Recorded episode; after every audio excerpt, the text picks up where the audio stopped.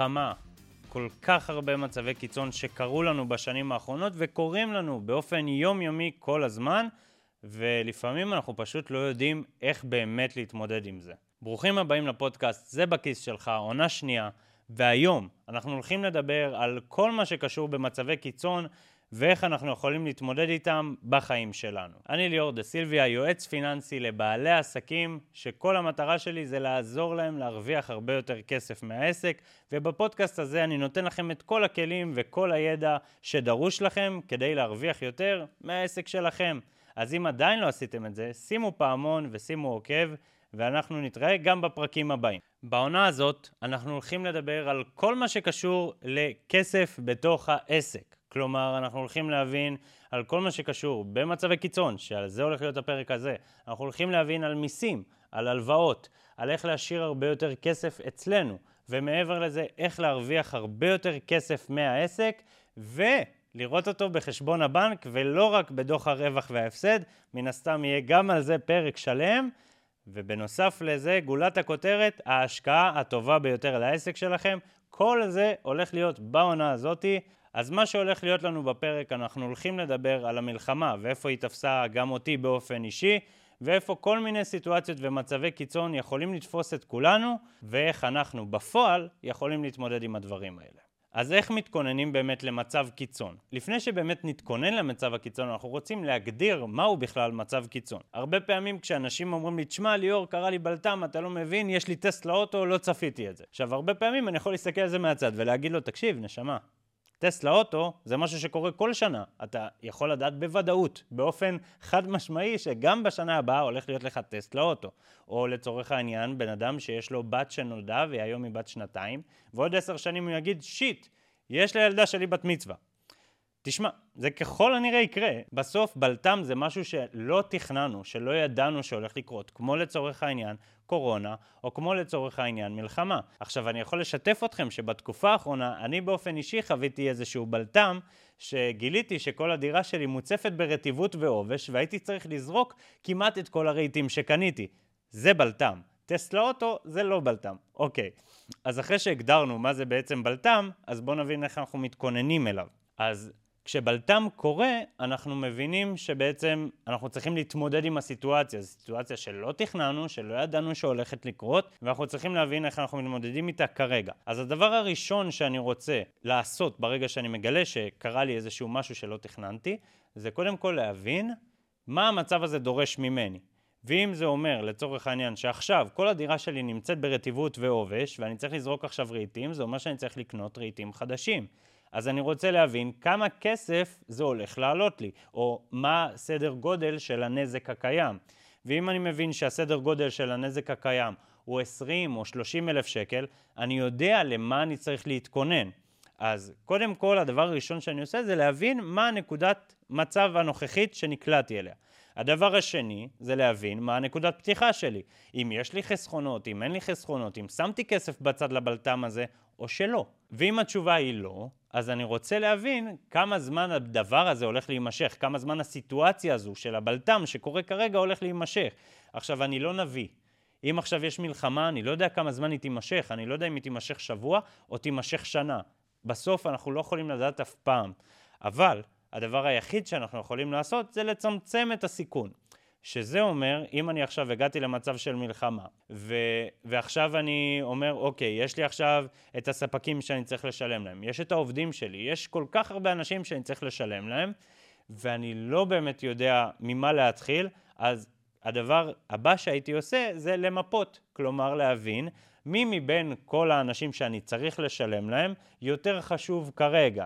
לצורך העניין, השכירות של הבית שלך היא הרבה יותר חשובה מהתשלום שלך לאיזה עורך סרטונים שצריך לערוך לך עכשיו את הסרטון שעוד לא שלחת לו. אז אני רוצה למפות את הדברים לא רק מבחינת הסכום, אלא גם מבחינת החשיבות. וברגע שאני מדרג את כל אחד מהדברים האלה, אני יודע להגיד מה אני יכול לדחות למועד טיפה יותר מאוחר, לדברים שטיפה יותר יסתדרו, ואז לעשות את זה, ואחר כך אני יכול להבין גם עם מה אני מתחיל.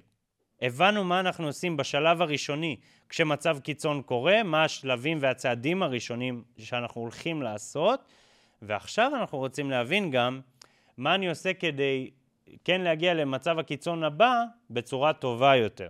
אז על מנת שנעשה את זה כמו שצריך, קודם כל אני מזמין אתכם לשמוע בעונה ראשונה, פרק 8, כשדיברנו על ניהול תקציב, דיברנו גם על כל הנושא הזה של איך להתכונן לבלת"ם ואיך להקצות את הכספים לבלת"ם, אבל אם אני שנייה מסכם את זה גם כאן, אני רוצה להבין קודם כל כמה כסף אני צריך בין שלושה לשישה חודשים, גם אם אני לא עובד שנייה אחת. עכשיו, זה לא משנה אפילו אם יש לכם עסק, זה לא משנה אם אתם שכירים, אתם רוצים שיהיה לכם את הכרית ביטחון הזה. כי יכול להיות שמחר יפטרו אתכם, יכול להיות שמחר כל הלקוחות יגידו לך, תקשיב, אני לא רואה תוצאות, תביא לי את הכסף חזרה. וואלה, כן, יכול לקרות, ויכול לקרות שלקוחות יבטלו, ויכול להיות שלקוחות יעזבו אתכם, וזה דברים שיכולים לקרות לגמרי, ואנחנו רוצים להתכונן לדברים האלה. ובנקודה כזו, גם אם עכשיו אין איזושהי מלחמה, אבל פשוט קרה איזה משהו שלא צפית, כמו זה שכל הלקוחות שלך יעזבו אותך, אתה רוצה שיהיה לך איזשהו ביטחון. ולכן שלושה עד שישה חודשים זה משהו שאמור לעבוד. עכשיו, מן הסתם זה משתנה מבן אדם לבן אדם. אם יש לך ילדים, אין לך ילדים, זה משתנה. אבל אם אני עכשיו מסתכל על הדבר הזה שנייה מלמעלה, ואני אומר, אוקיי, ההוצאות שלי הם עשרת אלפים שקל לחודש, אני רוצה שיהיה לי שלושים אלף בצד. עכשיו, ברור לי שאתה לא יכול להגיע למצב שיש לך שלושים אלף חיסכון תוך שבוע, אז מה שכן נעשה, זה נפקיד בסכומים קטנים. כלומר, ניקח 2,500, 3,000 שקל כל חודש, למשך כמה חודשים, עד שיש לי מספיק חיסכון בצד, ואז אני שם אותו באפיק חיסכון שאני יכול בכל עת למשוך אותו. לא בשוק ההון או בנדל"ן. משהו שאני יכול למשוך כל הזמן, ולא עולה ויורד יותר מדי. זה אמור להיות זמין במיידית. דיברנו על זה בעונה הקודמת, אני לא רוצה להרחיב על זה יותר מדי, אבל זה בגדול. עכשיו ברמת העסק, ברגע שקורה איזשהו מצב קיצון, צריך להבין שגם הלקוחות שלך נמצאים כרגע במצב קיצון, במיוחד אם אתה עובד גם עם עסקים. עכשיו, אם אתה עובד עם עסקים ופתאום יש איזשהו מצב שכל המדינה בסגר, או כל המדינה עכשיו נמצאת באיזושהי מלחמה, אז אני רוצה להבין שאני יכול להיות צריך לשנות את ה, מה שאני נותן להם או את הדרך שאני נותן להם. ואני יכול לתת את הדוגמה האישית עליי, שברגע שהתחילה המלחמה, אני עדיין תפקדתי גם ברשתות וגם ברמה האישית עם הלקוחות שלי, ושאלתי לשלומם, ונכון, הרבה דברים פתאום עצרו, והיו לקוחות שביטלו, וזה בסדר, זה קורה, בסוף זה מצב קיצוני. אבל גם כשדבר כזה קורה, אם אתה נותן ללקוחות שלך את התחושה שאתה שם בשבילם ואתם בכל הדבר הזה ביחד, אז גם הלקוח הרבה יותר מעריך אותך, ומעבר לזה, הוא מבין שיש לו על מי, על מי להישען. כאילו, הוא בסוף לקח ממך שירות כי הוא סומך עליך, ועכשיו הוא יסמוך עליך אפילו יותר. אז ברמה הפרקטית, קודם כל דאגתי לקשר עם הלקוחות שלי, ומעבר לזה, מה שעשיתי, זה גם שיניתי את דרך השיווק שלי. כלומר, אני כבר לא הצעתי כל הזמן ל... בוא תשאיר פרטים, או בוא תעשה איזשהו משהו בשביל לקבל אה, איזשהו מדריך שהכנתי. שיניתי את זה לגמרי. אמרתי, פשוט תיקח. פשוט תיקח הכל, תיקח מדריכים, תיקח איך להתמודד עם הבנקים, תיקח איך להתמודד עם הלוואות, תיקח הכל בחינם, רק תיקח, ועם הזמן גם התחילו להגיע פניות, ואז פתאום התחלתי לעשות email marketing, ואז גם משם הגיעו פניות. בסוף כשאתה משנה גם את הדרך שבה אתה משווק וגם את ההצעה שלך וזה, ואני לא איזה איש שיווק מהולל, אבל ברגע שאתה משנה את הדברים האלה, הקהל שלך בא ואומר, אוקיי, הוא מתאים את עצמו, זה לא שהוא בא והוא מטיף לי וזה בזמן מלחמה והוא לא קשור לעולם. לא ספגתי, אני באופן אישי לא ספגתי אף ביקורת כזאת, לא ספגתי אף תגובה של מה אתה עושה, כי הרגשתי גם, אני בתחושה שלי, שכל מה שאני עושה וכל מה שאני נותן, בין אם זה בסטורי ובין אם זה השיחות שאני עושה עם לקוחות, הרגשתי שאני באמת באמת עוזר להם ותורם להם ונותן להם ידע שהם לא יכלו לקבל בלי זה. כלומר, לדעת שעכשיו מהבנק שלי מגיע לי עכשיו שלושה חודשים של דחייה על הלוואות, זה משהו שככל הנראה, אם לא הייתי אומר, הם לא היו יודעים. ובגלל זה כל הקטע הזה של באמת לתת משהו שאתה חושב שזה יעזור ללקוחות שלך, גם בסיטואציה שהיא קיצונית, לא יעזור רק לך, אלא גם להם, ובסוף גם יביא לך עוד לקוחות, כי זה גם מה שקרה לי. אז דיברנו בעצם על מה אנחנו עושים ברגע שמתחיל איזשהו מצב קיצון, אבל מה קורה אם המצב הזה נמשך יותר ממה שחשבנו. עכשיו, כמו שאמרתי קודם לכן, המטרה היא שבאמת יהיה לכם איזשהו קרן חירום בין שלושה לשישה חודשים. אבל אם כבר עבר הזמן של הקרן חירום, אם כבר עבר הזמן של ההלוואה שכבר לקחתם ואתם לא יכולים לקבל עוד אחת, אם עבר כל כך הרבה דברים ואתם לא יודעים באמת מה לעשות, אז הדבר הבא שניתן לעשות כדי באמת להמשיך ללכת גם כשיש את המצב קיצון, זה להבין האם אני יכול עכשיו עדיין להכניס כסף. אז בתחילת המלחמה, באזור החודש הראשון, הגיע לאיזשהו די-ג'יי ואמר לי, תקשיב, אני לא יודע מה לעשות. אני די-ג'יי, וכל ההכנסה שלי הייתה ממסיבות, הייתה מאירועים, ועכשיו אני במצב של וואלה, אין, אין לי שום הכנסה, אני לא יכול... סבבה, אז יש לי איזה שהוא כמה כספים בצד, אבל אם המלחמה הזאת תימשך חצי שנה או שנה, אני אקרוס, אני לא באמת יכול גם לקחת הלוואה, כבר לקחתי מספיק הלוואות על העסק, אני לא יכול לקחת עוד. אז ישבתי איתו, והבנו, והצעתי לו הצעה מאוד פשוטה. אמרתי לו, אוקיי, תקשיב, אם היום אתה די-ג'יי, ועד היום באמת כל ההכנסות שלך היו מעצם זה שהיית אה, מתקלט באירועים ועושה דברים ומסיבות וזה, אולי עכשיו אתה יכול גם לעזור לאנשים שנמצאים בבית ומשעמם להם, ולא בקטע של הכנסה נוספת, אלא באמת בבית ומשעמם להם, ורוצים למצוא תחביב חדש. ואולי אתה יכול לעזור להם עם הדבר הזה. אז עצם זה שטיפה בן אדם מסתכל מהצד ואומר, אוקיי, אני עכשיו, אני כבר לא די-ג'יי, אני גם די-ג'יי, סבבה, בזמנים רגילים אני אהיה די-ג'יי, אבל נכון לכרגע, אני גם בן אדם שעוזר לאנשים לפתח תחביב שיעשה, לכם, שיעשה להם כיף בנפש וירומם להם את המצב רוח בתקופה הקשה הזאת.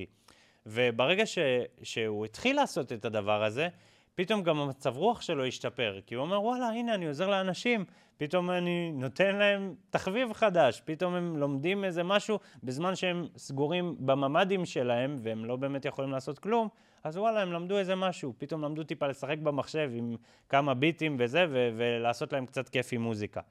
אז עצם זה, נכון, הוא לא קיבל את אותו סכום שהוא היה מקבל אם הוא היה לצורך העניין הולך למסיבה או אירוע, אבל הדבר הזה עצמו הכניס לו כסף בתקופה שבה לא היה כסף בתחום הזה. לא היה כסף בעולם של הדי-ג'יי ובעולם של האירועים בכלל, ואם אני שנייה מסתכל על הענפים היותר בעייתיים, שזה מסעדנות ואירועים, כי הם תמיד יהיו הראשונים לסגור במצבי קיצון, הם אלו שחייבים, מבחינתי, שיהיה להם עודפים וחסכונות של חצי שנה ומעלה, לא שלושה עד שישה חודשים, אלא יותר מזה.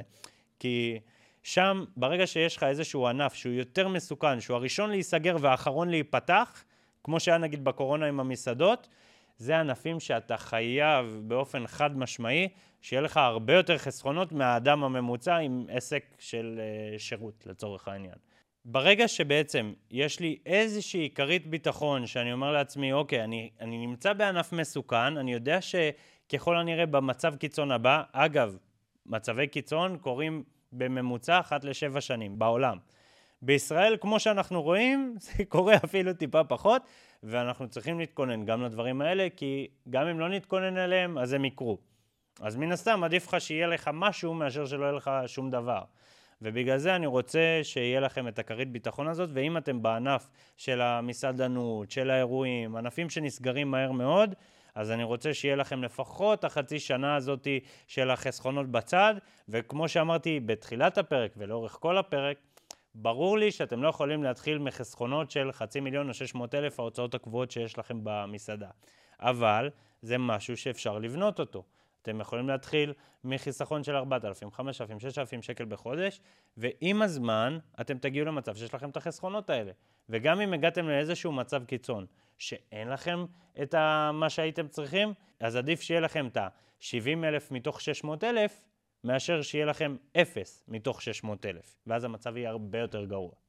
וזה כל העניין. בפרק הזה באמת דיברנו על כל מה שקשור במצבי קיצון, על איך אנחנו יכולים להתמודד איתם, ואיך הדבר הזה בעצם משפיע עלינו, לא רק כבעלי עסקים, אלא גם כבני אדם. סיפרתי לכם גם על הסיפור האישי שלי, מה שקרה לי בעצם ממש לאחרונה עם הדירה שאני גר בה. ודיברנו על איך להשאיר איזושהי כרית ביטחון אצלכם בעסק ובחיים האישיים.